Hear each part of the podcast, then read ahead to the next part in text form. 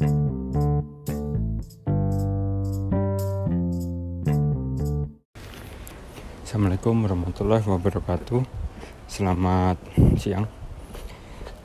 Baik dalam podcast kali ini saya akan mem membahas ya uh, Perkembangan akhir-akhir ini ya, Seperti biasa terkait dengan riset, publikasi gitu ya. Jangan sampai bosan Karena saya belum bosan gitu ya. Jadi intinya ada beberapa pandangan bahwa e, mengirimkan hasil risetnya sebagai makalah ke jurnal e, internasional atau dalam tanda kutip luar negeri gitu ya. Itu karena masalah peer review atau peninjauan sejawat nah sampai di situ mestinya tidak ada masalah namun demikian, masalah mulai terlihat ketika persepsi kita ketika kita berpikir bahwa oke, okay, perlu peer review.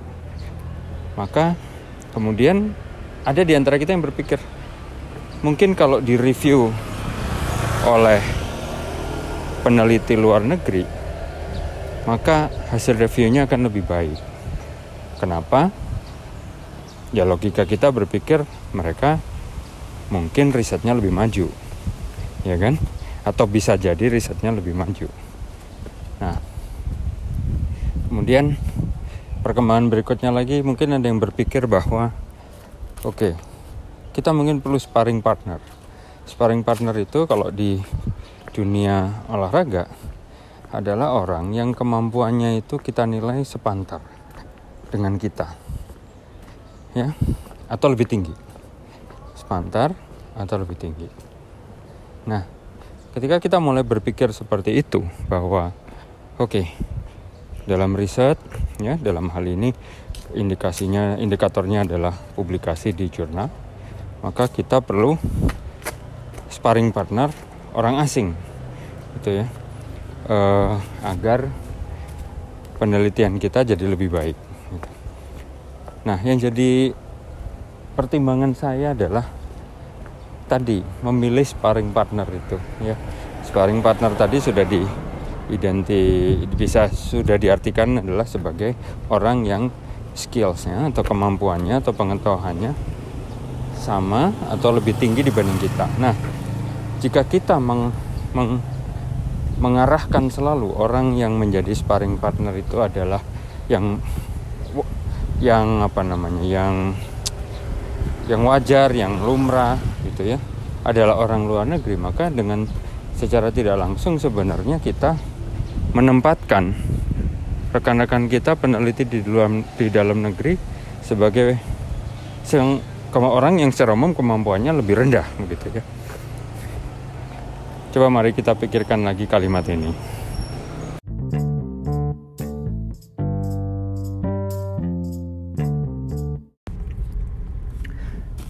Baik, kita lanjutkan. Jadi, kalau di awal tadi saya memberikan uh, preview ya bahwa ada pendapat-pendapat yang bilang bahwa peer review penting satu.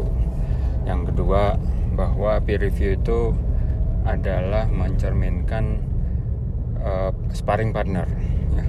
Jadi bagaimana riset kita itu kemudian diuji oleh orang yang pengetahuan, keterampilan, pengetahuan dan keterampilannya itu sama atau lebih tinggi dari kita.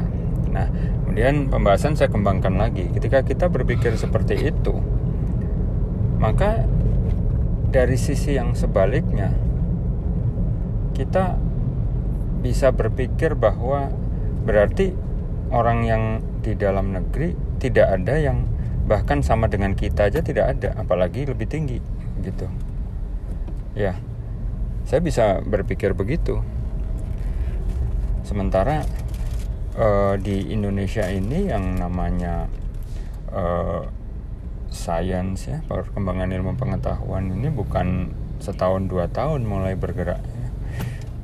Tapi sudah bisa dibilang dewasa begitu ya.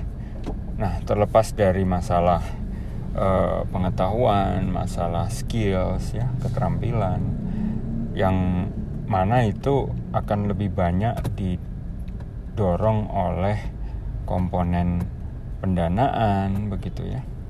Salah satunya ya komponen pendanaan yang kemudian berimbas kepada penyediaan alat atau perangkat yang kurang memadai ya maka sebenarnya penelitian di Indonesia itu bukanlah pada tahap yang rendah sebenarnya. Ya kita sudah bisa dibilang masuk ke tahap yang dewasa sebenarnya. Mengartikan dewasa ini juga pasti banyak orang akan akan bisa berdebat begitu ya. Tapi yang jelas kita itu bukan suatu negara yang baru merdeka setahun dua tahun kemarin begitu ya. Dan infrastruktur kita ini juga tidak bisa dibilang nol. Infrastruktur riset di Indonesia ini ya cukup. Belum merata ya. Tapi untuk wilayah-wilayah tertentu ya bisa dibilang cukup. Atau bahkan uh, apa namanya jauh lebih tinggi dibanding wilayah yang lain gitu ya. Nah jadi rasanya tidak bijak ketika kita bilang bahwa uh, sparring partner itu harus datang dari luar negeri gitu ya. Itu sama saja dengan merendahkan uh, kualitas dari peneliti sendiri gitu ya ya jadi kita ke ini sekarang ke bagian ketiga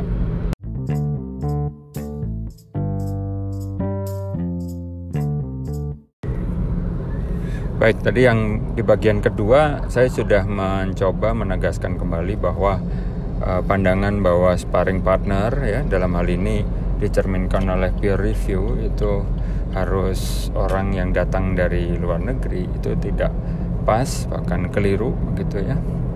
Di tengah-tengah kondisi Indonesia yang memang sedang berkembang begitu ya. Mestinya harus dengan uh, uh, ini sendiri begitu ya me, bekerja sama dengan peneliti dari Indonesia sendiri begitu apalagi kalau tadi di bagian satu dan bagian dua sudah saya sampaikan awal mulanya kan dari proses peer review maka akan sangat sempit sekali ketika sparring partner diartikan sama dengan peer review yang hanya dikendalikan oleh jurnal.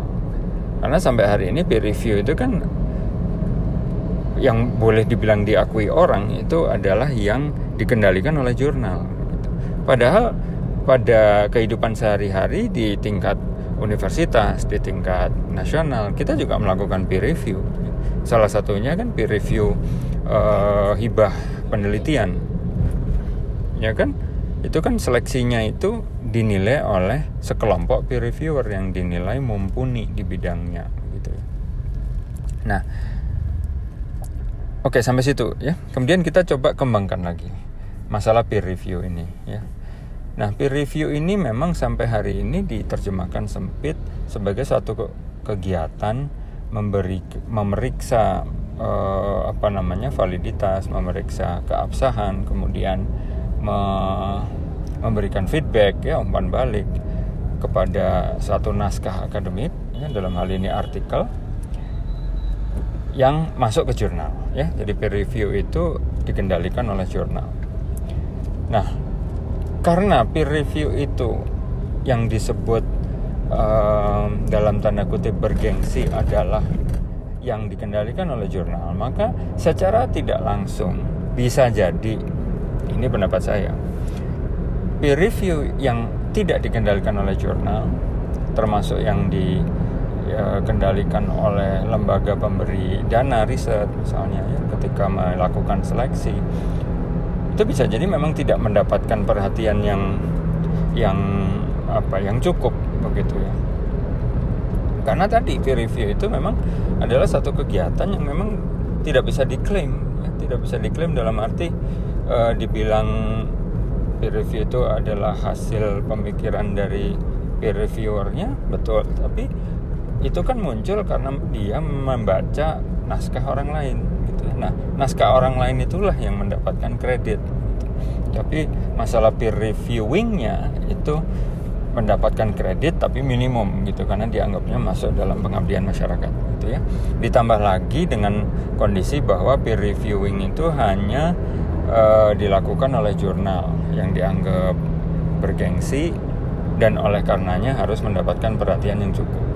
Sementara di sisi lain tadi sudah saya sampaikan peer reviewing misalnya research grant gitu ya yang seharusnya juga mendapatkan porsi perhatian yang sama. Seperti yang tadi ya peer reviewing di jurnal. Itu tidak lebih tidak mendapatkan perhatian secara memadai begitu ya. Yang saya sebut memadai itu begini.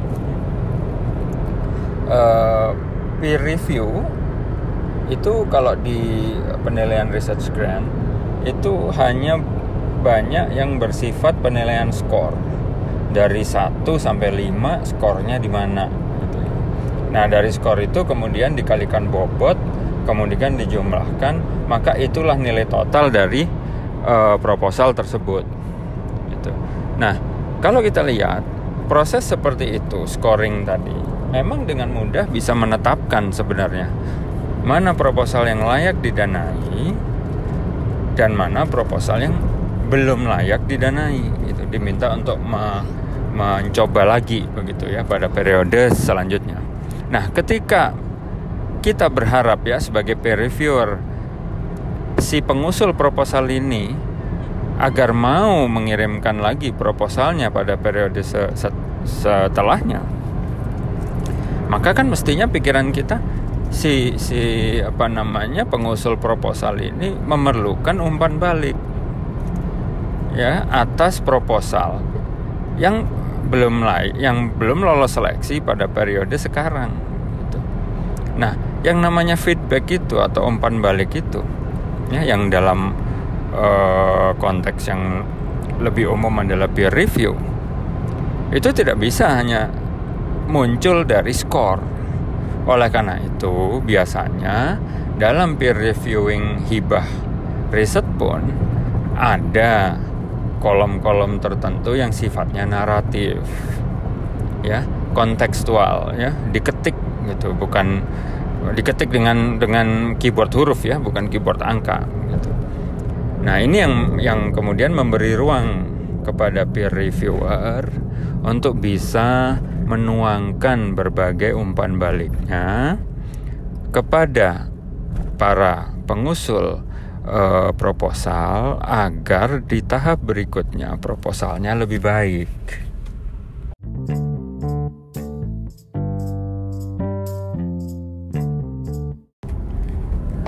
Ya, kita lanjutkan lagi ya. Jadi peer reviewer uh, grant ya, research grant itu juga punya posisi yang sama dengan peer reviewer di jurnal, yaitu memberikan umpan balik agar pengusul proposal itu dapat memperbaiki kualitas proposalnya agar tahap berikutnya, sorry pada periode berikutnya pengusul ini bisa menampil mengirimkan proposal yang lebih baik ya. Nah itu jelas tidak bisa dilakukan kalau hanya kalau peer reviewing itu hanya dilakukan dengan memberikan skor ya itu sudah jelas. Nah yang jadi masalah adalah ketika kotak-kotak kosong yang bisa diisi dengan penjelasan naratif ya umpan balik naratif tidak diisi oleh para reviewer maka hilanglah kesempatan dari para reviewer itu untuk bisa berpartisipasi memberikan nasihat. Ya kan? Tentang proposal yang baik yang menurut mereka baik nah apalagi kalau yang namanya komentar itu ya sebenarnya bukan komentar ya itu hanya apa ya semacam checklist saja begitu. Misalnya komponen satu cek bagus ada. Komponen dua cek bagus tid eh, tidak bagus atau tidak lengkap. Komponen tiga cek ada. Dan seterusnya. Itu bukan bukan komentar hasil review gitu ya. Kalau memang itu yang terjadi ya kenapa harus pakai dibaca gitu ya jadi uh, ada beberapa hal yang memang buat saya itu ya sekaligus jadi pengingat buat diri saya sendiri ya.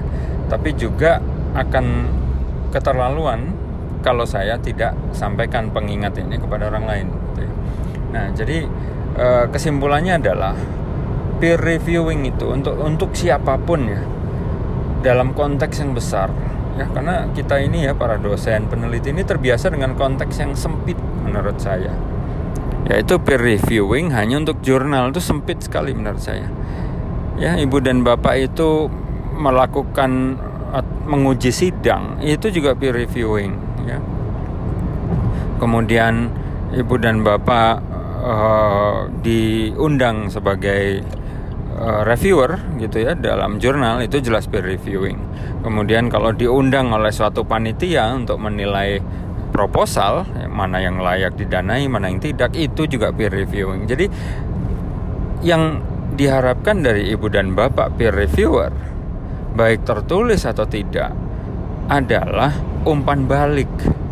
Dan yang disebut umpan balik adalah yang sifatnya naratif deskriptif syukur-syukur kalau bisa persuasif. Nggak bisa sampai membujuk begitu.